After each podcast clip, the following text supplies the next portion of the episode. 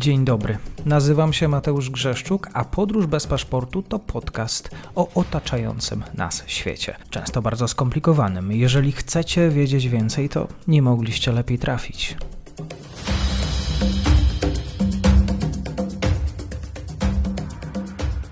Dzień dobry Państwu, dzień dobry wszystkim słuchaczom. Dzisiaj stały gość audycji, aczkolwiek ostatnio się nie spotykaliśmy zbyt często, dlatego zapraszam częściej. Profesor Stefan Bielański, Instytut Dziennikarstwa i Stosunków Międzynarodowych, Uniwersytet Komisji Edukacji Narodowej w Krakowie, również kierownik interdyscyplinarnego zespołu badawczego Italian Studies. Skłaniam się Panie Profesorze. Dziękuję, pozdrawiam, wszystko się zgadza. Tak, wszystko się zgadza. Zapraszam również do playlisty włoskiej, bo tam dużo materiałów z profesorem Stefanem Bielańskim, również w kontekście historii politycznej Włoch, bo dzisiaj troszkę o historii będzie.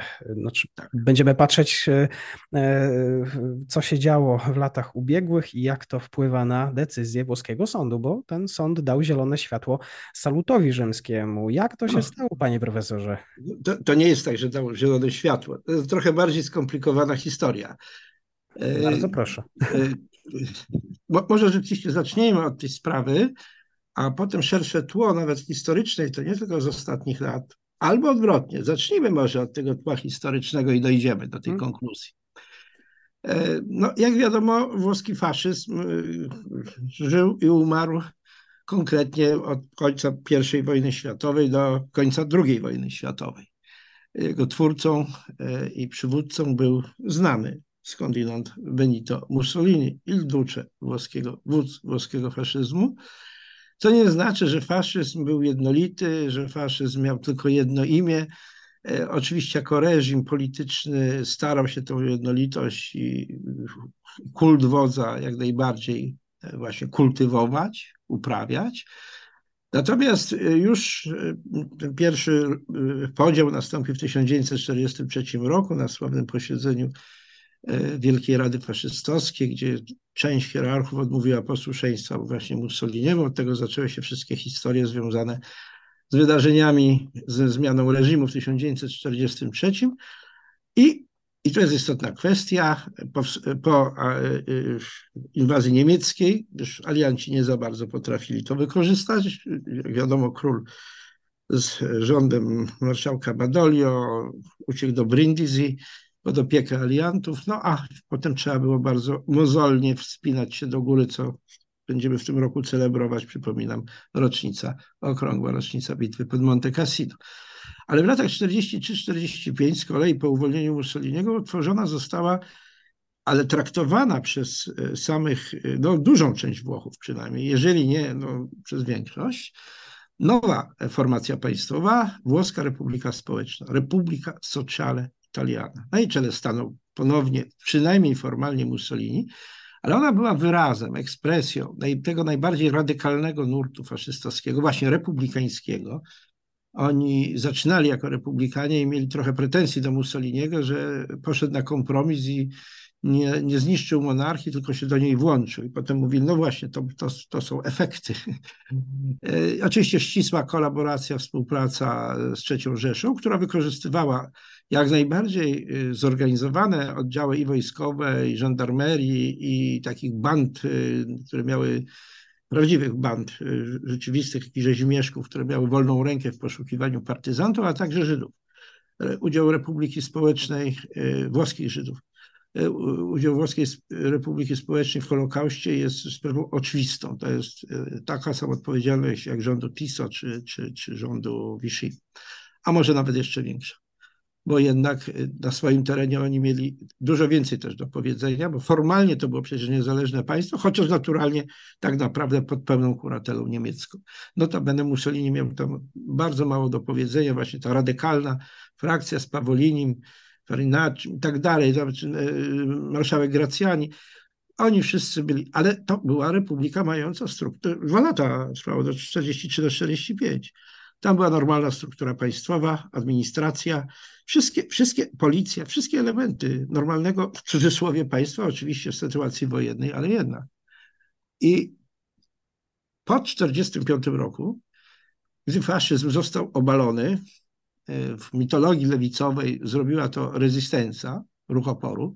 W rzeczywistości oczywiście był to efekt ofensywy wojskowej, militarnej wojsk alianckich. No, potem jest ta sprawa Mussoliniego, jego ucieczki przerwanej przed samym granicą szwajcarską, dość tajemniczo do tej pory. No ale zostawmy to na boku. Natomiast to jest istotne. Włoski faszyzm był popierany przez praktycznie większość, zdecydowaną większość Włochów. I to nie tylko do 1943 roku, ale właśnie jeśli patrzymy na Republikę Społeczną, to też już za, nie wszyscy naturalnie, ale znacząca część włoskiego społeczeństwa do końca była wierna ideom faszystowskim.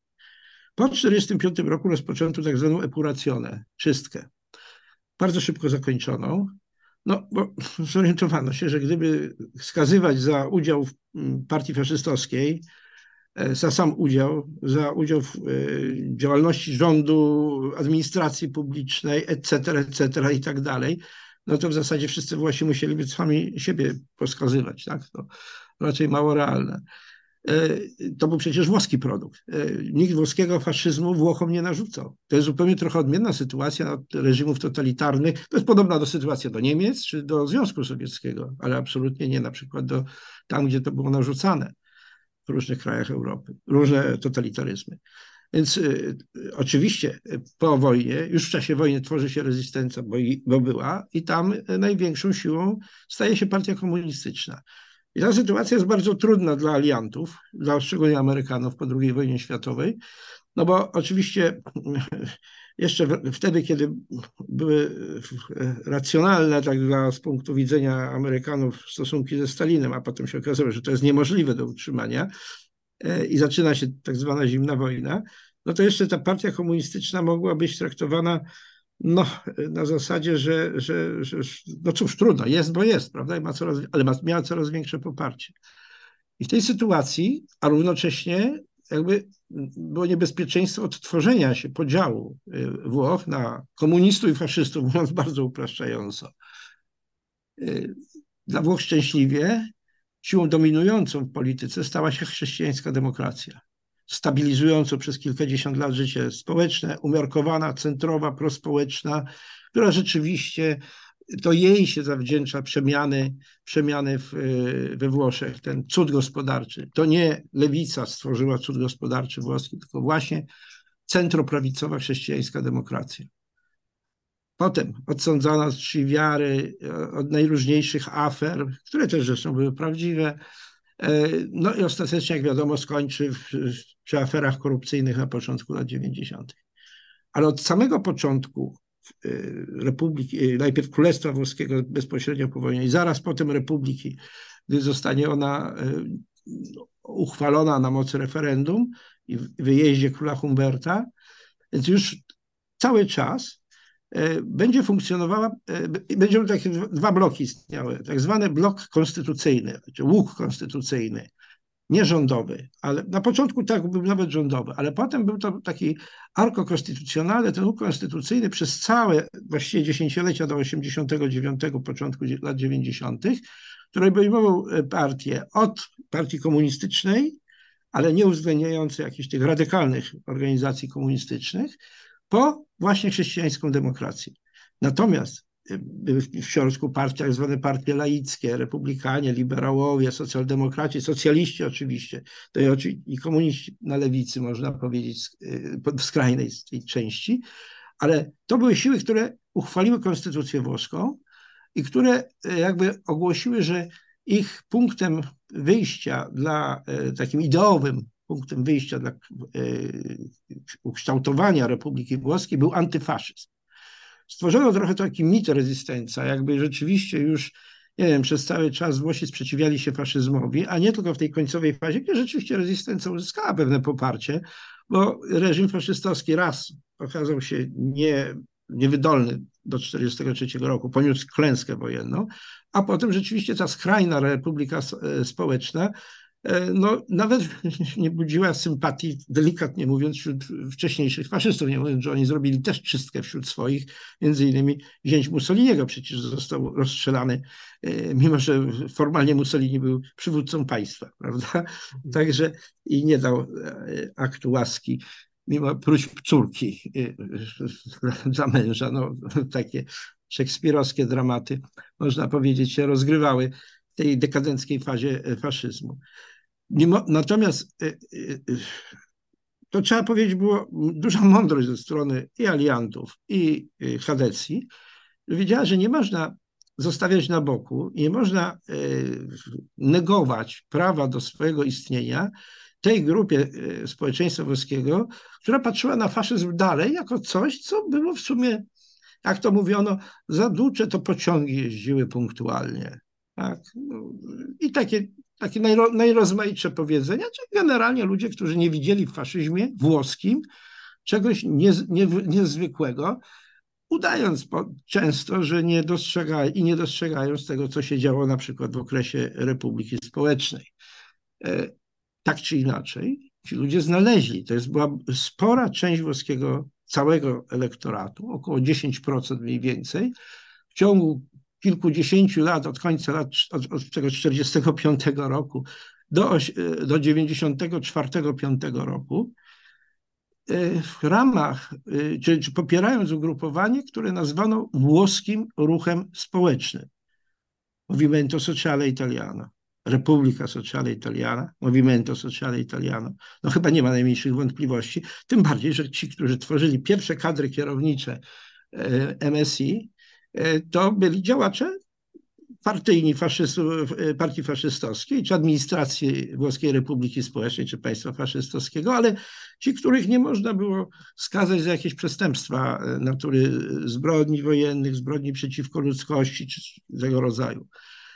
Oni byli poza tym łukiem konstytucyjnym. Ich nie włączano do rządów. Ich, i oni byli jakby wyklęci, jeśli tak można ukryć, użyć, może tutaj tak nie, niezbyt sympatycznie w tym kontekście tego słowa. W każdym razie y, nie włączano ich do, formalnie przynajmniej, do działań rządowych, co nie znaczy, że na przykład prawica chadecka często nie posługiwała się MSI do swoich działań, e, chociażby szachując inne frakcje w, w ramach Hadecji.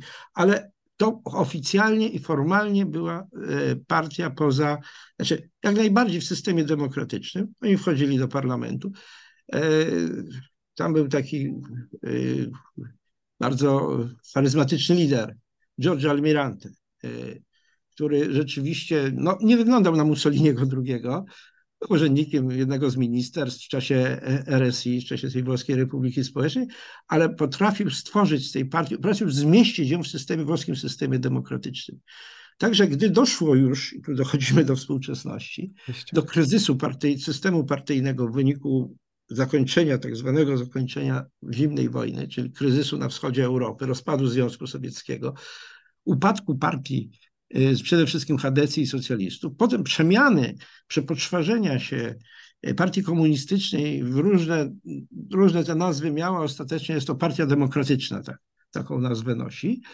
Y, no to okazało się bardzo to, ta partia y, prawicowa, bo to była jak najbardziej partia prawicowa, zresztą tak MSI Destra Nazionale, prawica narodowa, taką, taką nosiła nazwę, y, okazała się bardzo ważnym partnerem dla zwycięskiego w wyborach 1994 roku Berlusconiego, który znalazł takich dwóch partnerów, Ligę wówczas Umberto Bossiego i Ligę Północną i właśnie przemieniającą się z MSI, bo dokonano tej przemiany, to dokonał tego Massimo Fini, ówczesny przywódca MSI po Almirante i pierwszy przywódca Alleanza Nazionale, Sojuszu Narodowego. Celem było, przepraszam, odejście od tradycji faszystowskich, inaczej mówiąc, jakby jej zarchiwizowanie, nie negowanie, ale zarchiwizowanie. Tak, mamy taką tradycję, E, nie, nie, od, nie odżegnujemy się od niej, e, szanujemy przeszłość, ale teraz zmieniły się całkowicie warunki. Po dziesięcioleciach my jesteśmy prawicą, prawicą konserwatywną, żadnymi faszystami. To było bardzo bolesne dla całego ruchu prawicowego rozejście się, bo oczywiście część twardych takich działaczy faszystowskich, absolutnie tak neofaszystowskich de facto nie zamierzała odpuścić.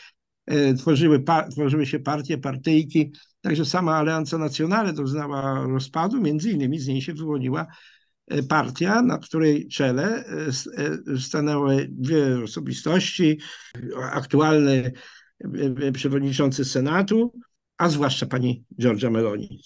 No właśnie, jak było z działalnością pani Meloni wcześniej? Wcześniej działaczka młodzieżówki MSI, stąd na jej nieszczęście coraz pojawiały się przy okazji kampanii wyborczej rozmaite filmiki z czasów młodości, tej, tej takiej górnej i chmurnej, e, także działań akcjach bezpośrednich. E, natomiast e, to zupełnie nie ma nic wspólnego, jeśli chodzi o, o tych, którzy nie uznali, tych, tych neofaszystów, którzy nie uznali tak zwanej zmiany w Fiuggi, bo o tym, o tym tutaj mowa, i właściwie zradykalizowali się. Można powiedzieć, że w tej chwili we Włoszech mamy do czynienia z, z, ugrupowaniami niewielkimi, ale jednak o charakterze neofaszystowskim, notabene bardzo krytykującymi prawicowy rząd Giorgi Meloni. Oni uważają, że Fratelli d'Italia to są zdrajcy, y, to, to, to nie jest prawica prawdziwa i tak dalej, i tak dalej. I nawet można powiedzieć, że specjalnie prowokują, bo mając świadomość, że media wtedy będą bardzo chętnie pokazywać wszelkiego rodzaju manifestacje, gdzie, będzie się odwo- gdzie będą odwołania do tradycji faszystowskiej, bo to po prostu w, w, pra- pro, y, że powiem, dla rządu Meloni jest bardzo kłopotliwe. Dla samej pani premier jest to bardzo kłopotliwe. Tak? E, od niej ciągle się domaga e, e, wszystkich jakby i w parlamencie, i w publicystyce, i w telewizji, ciągle słyszy, żeby potępiała faszyzm na okrągło. No ona to już robiła wielokrotnie, przy czym bardzo też trafnie potępiała wszystkie totalitaryzmy, bo faktycznie we Włoszech jest pewien problem, że wśród totalitaryzmów potępia się nazifaszyzmu, czyli narodowy socjalizm, nazizm i faszyzm, jakby zapominając o y, stalinizmie na przykład, czy w ogóle o komunizmie, chociażby w jego wersji stalinowskiej, ale nie tylko. E, I wtedy jakoś lewica zaczyna coś mówić, że to nie tak, że przecież oni mieli, chcieli dobrze, wyszło źle, ale generalnie trzeba powiedzieć, że druga strona podobnie. No, tak, Mussolini to w sumie tam nie chciał, też źle, no tak wyszło jak wyszło. Przepraszam za takie upraszczające, ale to do tego się de facto potem sprowadza. E, jest to działanie absolutnie, e, być może nawet sterowane przez te, te grupy neofaszystowskie, niewielkie, takie, no, chyba największą w tej chwili jest, y, największe to jest Forza Nuowa i Casa Pound, to, to są takie, i że rzeczywiście bardzo ściśle są powiązane z, y, ze skrajnymi grupami kibicowskimi, szczególnie klubu Lazio, Lazio Rzym, ale nie tylko, także w innych znanych klubach włoskich, Mediolanie czy w Turynie, takie, takie, że tak powiem, odpryski, czy Weronie na przykład, no, no, dosyć znana historia. No i na północy Włoch to dosyć, dosyć mhm. jest, jest popularne. Więc ci kibole, mówiąc inaczej, dość często właśnie, ale Lazio jest najbardziej znane z tego, z tego z takiego przywiązania do rytuałów faszystowskich. W zasadzie to tam od zawsze na, na, na stadionie te saluto romano właśnie jest praktykowane.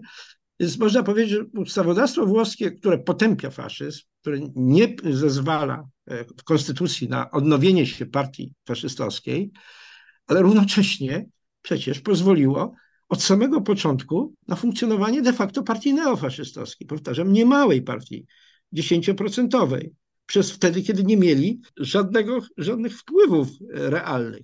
10% mniej więcej, a czasem, a nawet więcej, to pokazywało, że jednak ta ideologia weszła w jakieś ten, te włoskie tradycje, chcąc, nie chcąc. Podobnie zresztą jak ta ideologia komunistyczna, która przed wojną nie miała większego znaczenia. Po wojnie okazała się silna i nawet przetrwała upadek komunizmu, oczywiście zmieniona w tej formie właśnie tak zwanej e, formacji Partia Demokratyczna i takie nurty liberalno-lewicowe zamiast twardego komunizmu z okresu jeszcze lat 50. czy 60. No właśnie, przejdźmy do rzeczy. Jak to się stało, że sprawa wylądowała w sądzie kasacyjnym? Otóż y, jakoś tak się dziwnie zaczęło składać, że od momentu wygrania wyborów przez centroprawicę, bo pamiętajmy, że Włochami nie rządzi partia pani Meloni, zarządzi koalicja centroprawicowa. Otóż coraz się pojawiały, wykorzystując zresztą uprawnienia, które obywatele mają w kraju demokratycznym, przypominanie tych działaczy MSI, tych działaczy tej partii neofaszystowskiej, którzy ginęli w, w bojach ulicznych albo bywali też mordowani przez bojówkarzy y, skrajnie tych terrorystów skrajnej lewicy. Oni ze sobą walczyli na ulicach, autentycznie walczyli między 68 a 78. To nie były proste zadymy. Tym bardziej, że o ile wiadomo, terroryzm, wyrodziły się z tego dwa terroryzmy, czerwony i czarny.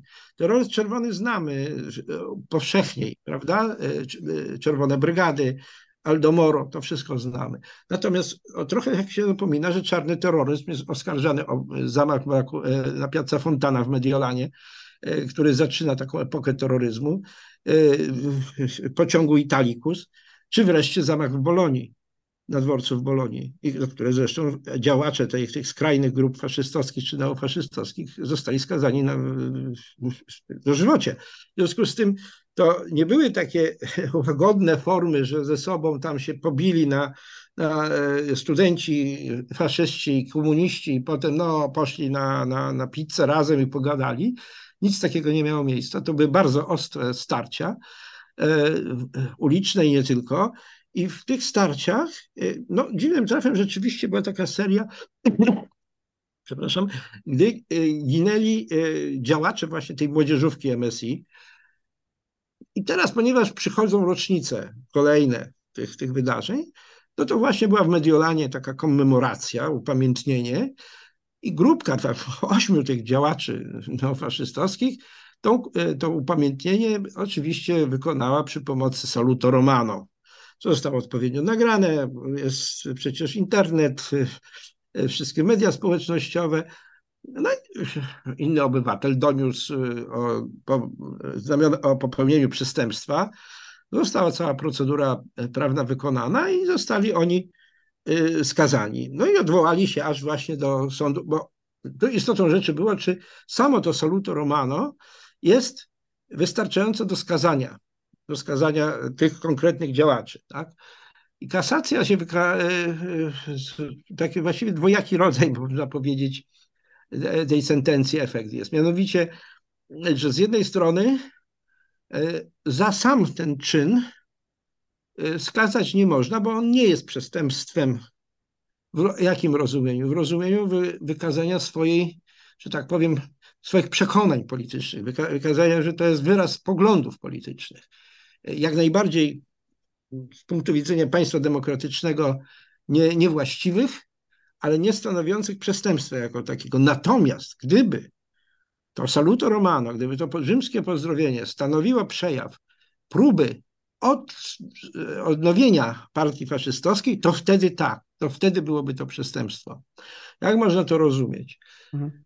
E, oni nie chcą, żeby e, prawdopodobnie, to, to myślę, że włoscy ustawodawcy generalnie, żeby właśnie ta, e, że powiedzmy tak, włoskie sądownictwo czasem najdziwniejsze potrafi wydać się wyroki w różnych sprawach, E, no a i ta rzeczywiście okazała się także bardzo polityczna, no bo, no bo to było jednoznacznie polityczny e, efekt tego, tego, tego postanowienia, tej sentencji. E, ale myślę, to osobiste moje zdanie, że ponieważ tych aktów z udziałem, czy z, z, z celebracji różnego rodzaju co roku przyjeżdżają rzesze neofaszystów do Predapio, do miejscowości rodzinnej Mussoliniego, gdzie jest on pochowany. Tam jest taki właściwie monument jego.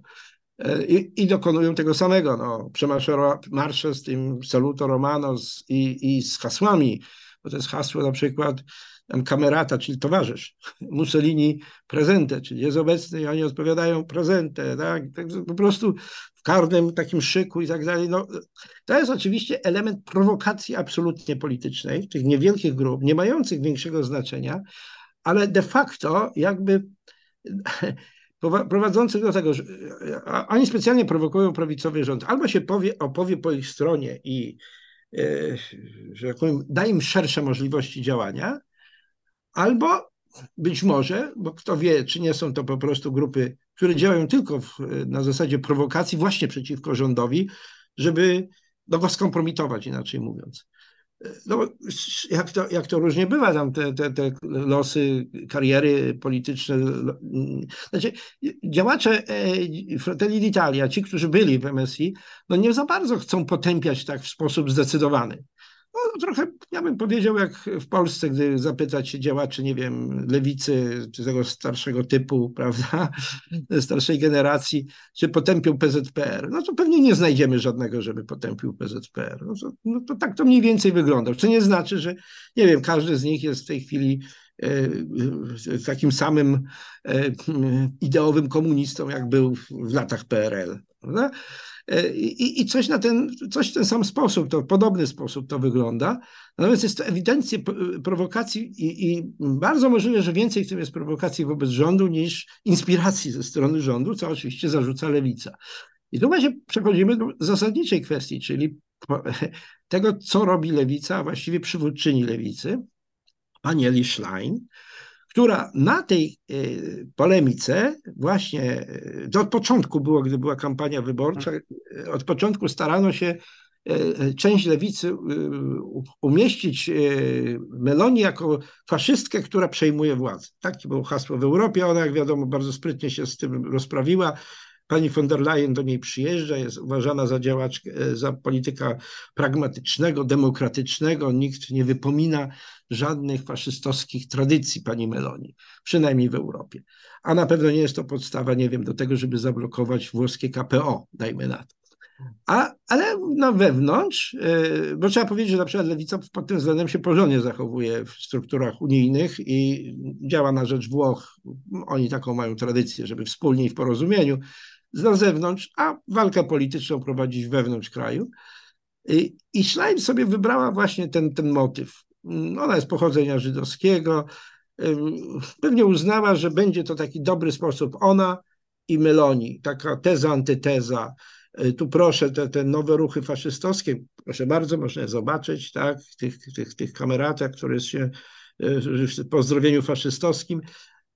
I, i, I, teraz jest duża dyskusja tak naprawdę na, wśród publicystów, tak centrolewicowych można powiedzieć, którzy e, twierdzą, że Schlein popełnia duży błąd, że społeczeństwo włoskie traktuje faszyzm już jednak naprawdę jako coś, co zostało zarchiwizowane, że nie ma e, warunków do tego, żeby był faszyzm, e, ale nie ma też powodu, żeby o tym mówić jednoznacznie i wyłącznie w czarnych barwach, że tak powiem, ponieważ to jest część historii Włoch, z której nie można się to, tak. co. I, i, I Meloni tak robi, to znaczy ona potępia, ale równocześnie nie odżegnuje się. A e, dla części lewicy, dlatego, która pamięta o tym micie rezystencji, chciałaby na tym micie bazować także współcześnie, chce umieścić dzisiejszy spór polityczny w tych kategoriach historycznych, faszyzm i antyfaszyzm. Mhm. I wielu właśnie publicystów e, życzących dobrze lewicy mówi, że to jest niesłychany błąd, bo nawet, tak widziałem nawet dzisiaj taką dyskusję, jeden z, z, z zresztą z dziennikarzy absolutnie antyrządowych, powiedział, jeżeli lewica będzie szła w tym kierunku, to najwcześniej za 15 lat będzie ponownie rządzić we Włoszech. Bo nie te problemy są w tej chwili y, we Włoszech najważniejsze. To jest taka też dobra nauka, że historia może być oczywiście i nie może być zostawiona przez polityków na, na pastwę losu, że tak powiem, ale równocześnie wyłącznie nastawianie się na e, e, kwestie historyczne, na podziały, które zwłaszcza to trzeba powiedzieć, że to też nie, to jest delikatny problem, bo w wielu rodzinach we Włoszech po 1945 roku zaczęto milczeć o tym, co było wcześniej. Po prostu milczano przez kilkadziesiąt lat. I w momencie, kiedy najmłodsze pokolenie zaczyna odkrywać, że ich dziadkowie, pradziadkowie to byli jacyś faszyści, oni byli przekonani po wojnie, że to bardzo porządni demokraci, komuniści czy socjaliści, no to zaczyna być także tak zwany dysonans poznawczy, prawda? zupełnie y, no, niepotrzebne nikomu. Pytanie, y, czy rzeczywiście nie będzie ta sentencja wykorzystywana y, przez te organizacje neofaszystowskie. To jest też obawa, no bo będą się tłumaczyć, że oni nie odnawiają partii faszystowskiej, tylko takie wyraz przekonań mają. Tak? To znamy nawet przecież z polskich doświadczeń jakieś tam te, te, do Indii kierowano, tak? Niektórym przy, przy tych wyprostowanych ramionach I, i, I tu rzeczywiście wskazuje się, że no, sąd potraktował sprawę w kategoriach ściśle prawnych, ściśle technicznie prawnych, można powiedzieć, wyraźnie określając, że to nie jest, jeszcze raz powtarzam, chciałbym powtórzyć, to nie jest usprawiedliwienie czy zgoda na, na saluto romano, jako na normalny sposób witania się. Natomiast była to konkretna sprawa w konkretnym przypadku i wyraźne rozróżnienie. I myślę, że zwłaszcza ta kwestia, że możliwość y, odnowienia się, y, odnowienia partii faszystowskiej, to, to jest ważny akurat element, bo to rzeczywiście jest w konstytucji zawarte. Nie wolno już odnawiać partii faszystowskiej we Włoszech, jest to, jest to zakazane. E, no, partię komunistyczną można, no ale to już jest może troszeczkę inna historia. Tak, bardzo dziękuję za komentarz profesor Stefan Bielański. Kłaniam się. Do widzenia. Pozdrawiam serdecznie. Dziękuję serdecznie za odsłuchanie tej audycji. Zachęcam oczywiście do kliknięcia subskrybuj, obserwuj oraz wsparcia mojej pracy na serwisie Patronite. Do usłyszenia.